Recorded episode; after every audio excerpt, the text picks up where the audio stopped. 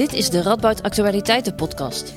Waarin wetenschappers van de Radboud Universiteit duiding geven bij prangende politieke vragen.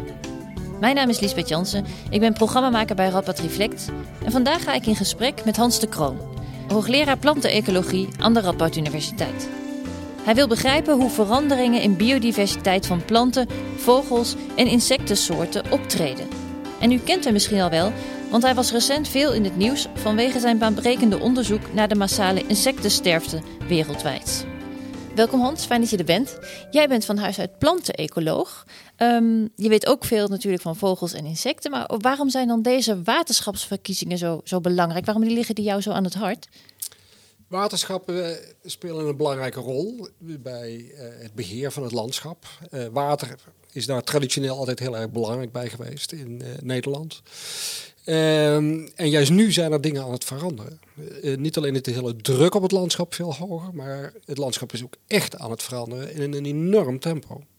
Dat betekent dat we niet alleen meer een waterprobleem hebben in de zin van te veel water, maar vooral ook van te weinig water. En de waterkwaliteit uh, is buitengewoon beroerd. Um, waar, waar, blijkt dat uit?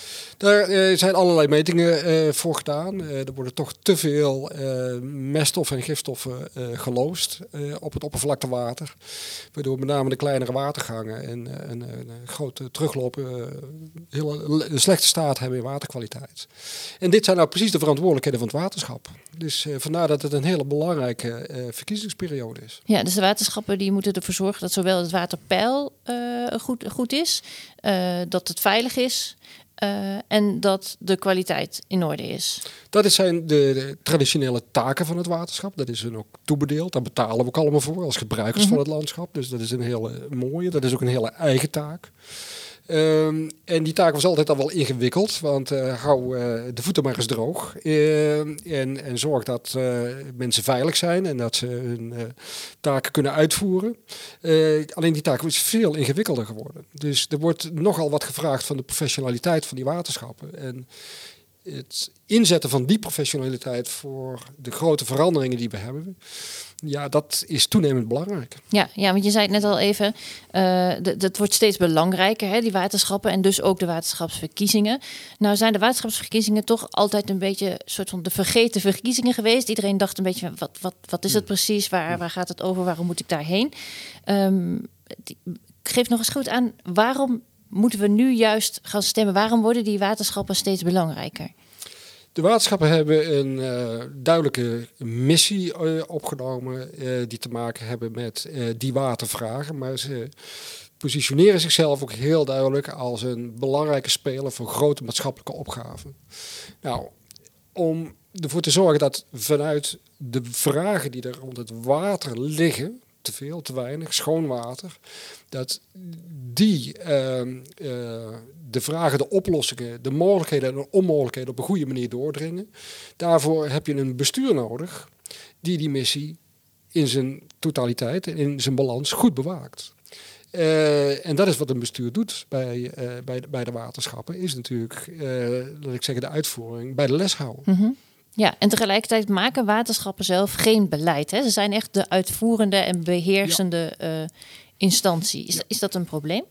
Nou ja, kijk, heel veel zaken waar waterschappen mee te maken hebben, hebben ze eigenlijk niks over te vertellen. Mm -hmm. uh, woningbouw wordt niet door het waterschap bepaald waar het uh, gaat plaatsvinden.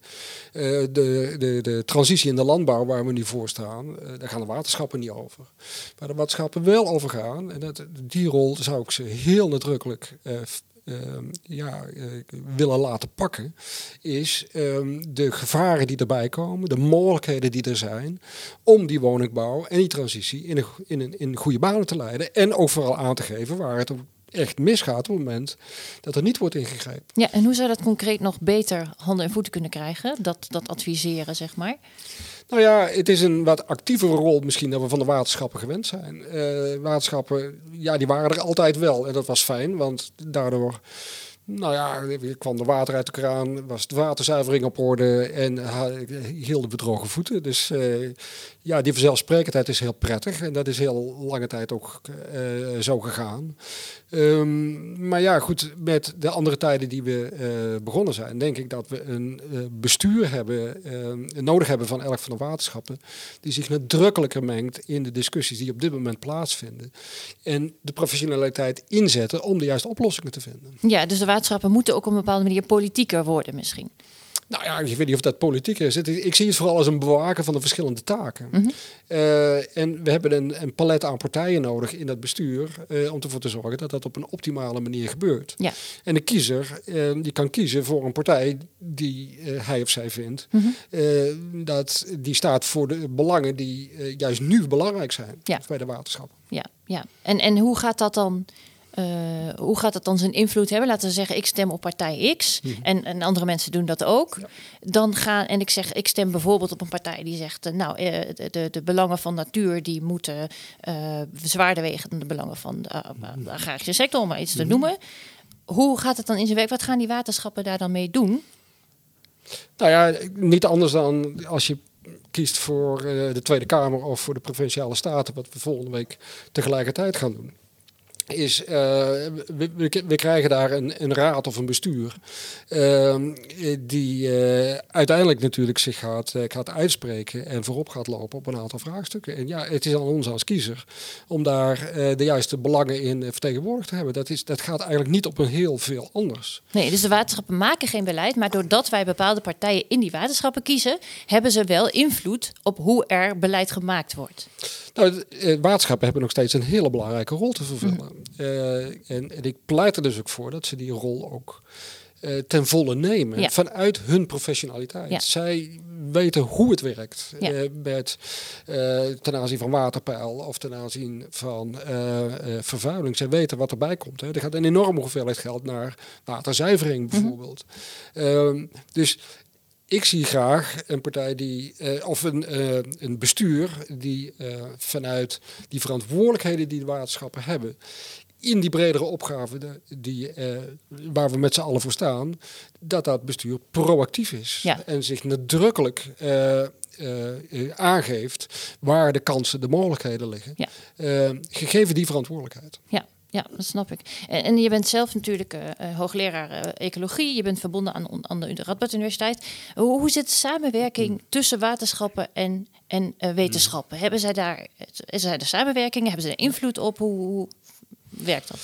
Uh, er is heel veel samenwerking. Uh, ik heb uh, zelf een prachtig project, Future Dijks, wat gericht is op bloemrijke dijken, waar ik werk met waterschap Rivierenland, maar ook met hoogwaterbeschermingsprogramma en, en veel andere waterschappen.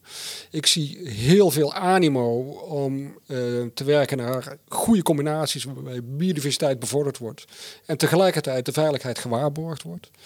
Um, en ik zie heel veel um, gretigheid om uh, nieuwe dingen te leren en die op een goede manier toe te passen. Ja. Um, van collega's die bijvoorbeeld werken aan uh, meer uh, nattere systemen of aan uh, watergangen, zie, zie ik hetzelfde. Ja, ja dus, je vertelde net over dat initiatief van die bloemrijke dijken. Kun je daar nog iets meer over vertellen? Wat is dat precies? Bloemrijke dijken zijn er al lange tijd, maar het zijn eigenlijk de uitzonderingen op de regel. en wat wij met ons project willen doen, is die kennis vergaren, zodat het de regel wordt en niet de uitzondering. En uh, dat was denk ik 20, eh, 30 jaar geleden onmogelijk. Uh, want ja, dijken die moesten mooi egaal groen zijn en daar liepen wat schapen op of ze werden gemaaid.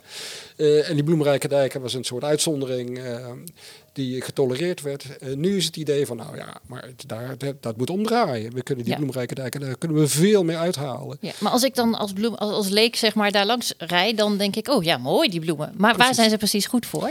Nou, ze zijn allereerst goed voor de dijkveiligheid, want dat is natuurlijk nummer één. Daar wordt uh, uh, niet mee gemarchandeerd, zoals onze uh, Delta-commissaris zo mooi zegt elke keer.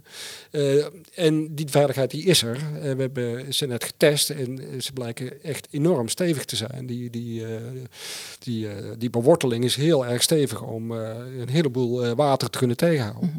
Dus dat is één. en twee is natuurlijk, ja, het levert een enorme hoeveelheid bloemen eh, op. Het levert een veel betere bodem op. Uh, en is dus heel goed voor de biodiversiteit, omdat het lintvormige elementen zijn in ons landschap, zoals ze dat noemen.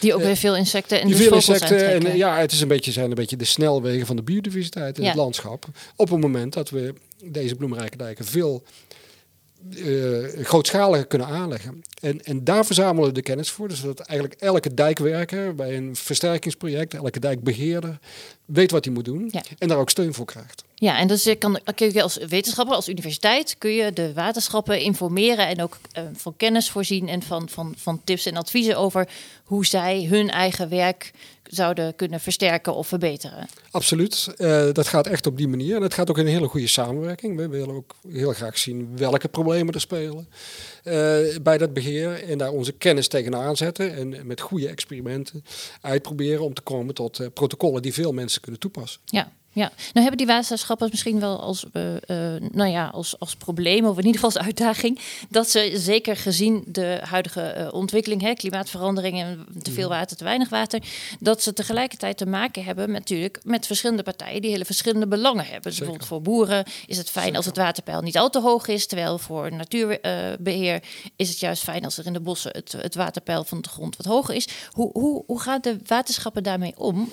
Nou, daar is, nou net die professionaliteit is daarvoor nodig. Um, uh, die belangenafweging, uh, die hoop je dat die gemaakt wordt op basis van uh, wat door het hele seizoen heen en de veranderende waterbeschikbaarheid ook werkelijk mogelijk is. Mhm. wat je wat ik verwacht is dat ze de professionaliteit hebben dan wel ook binnenhalen vanuit de wetenschap bijvoorbeeld. Om door te rekenen wat het betekent op het moment dat je met bijvoorbeeld een zeker pijlbeheer, zoals dat nu is, hoe je daarmee doorgaat. Wat mhm. voor consequenties dat heeft. En ook wat er voor nodig is om dat te veranderen. Er zal iets aan wateropslag gedaan moeten worden. Kan dat? En wat betekent dat? Kijk, dat is die verantwoordelijkheid nemen van water is leidend. Water is leidend, waterschap geeft aan wat er kan of wat er zou moeten gebeuren. Het is een andere orgaan om daar dan weer beslissingen voor te nemen, heel vaak de provincie.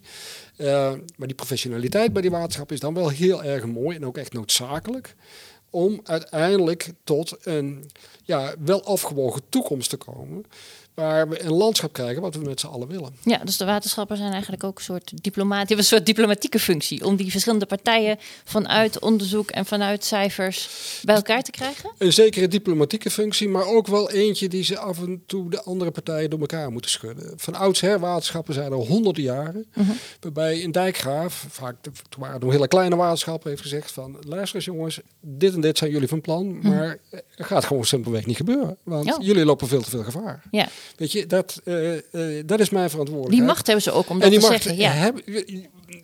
Ze gaan over dat water. Ja. En Dat, dat gingen ze altijd.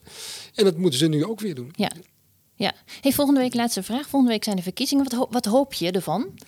Ik hoop op de eerste plaats op een grote opkomst. Ik hoop dat iedereen ziet dat dit toch wel heel belangrijk is. En dat hier echt een nieuwe uitdagingen liggen mensen toch eens even gaan kijken van ja, wat in mijn betreffende waterschap, wat gebeurt er eigenlijk? Uh, welke uh, zaken zijn er nou echt aan de hand? Welke, welke, partijen zijn er? Nou, dat kun je echt wel, in, als je eens een, uurtje van, van anderhalf gaat kijken, dan heb je daar echt wel een beetje een idee van. En mensen gaan stemmen. Ga stemmen op die partij waar je denkt van nou, weet je, dat, dat, dat is een partij die staat voor wat ik in mijn gebied nou echt belangrijk vind. En de uitdagingen aanpakt waar we voor staan. Ja, nou, goede tip. Dat gaan we allemaal doen volgende week woensdag op 15 maart.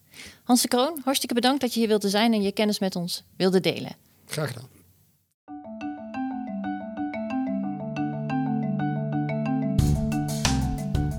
Dit was de Radboud Actualiteiten podcast. Bedankt voor het luisteren. Werk je in Politiek Den Haag?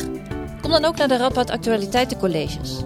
En wil je meer weten over de Radboud Universiteit en het onderzoek dat daar gedaan wordt? Kijk dan op www.ru.nl.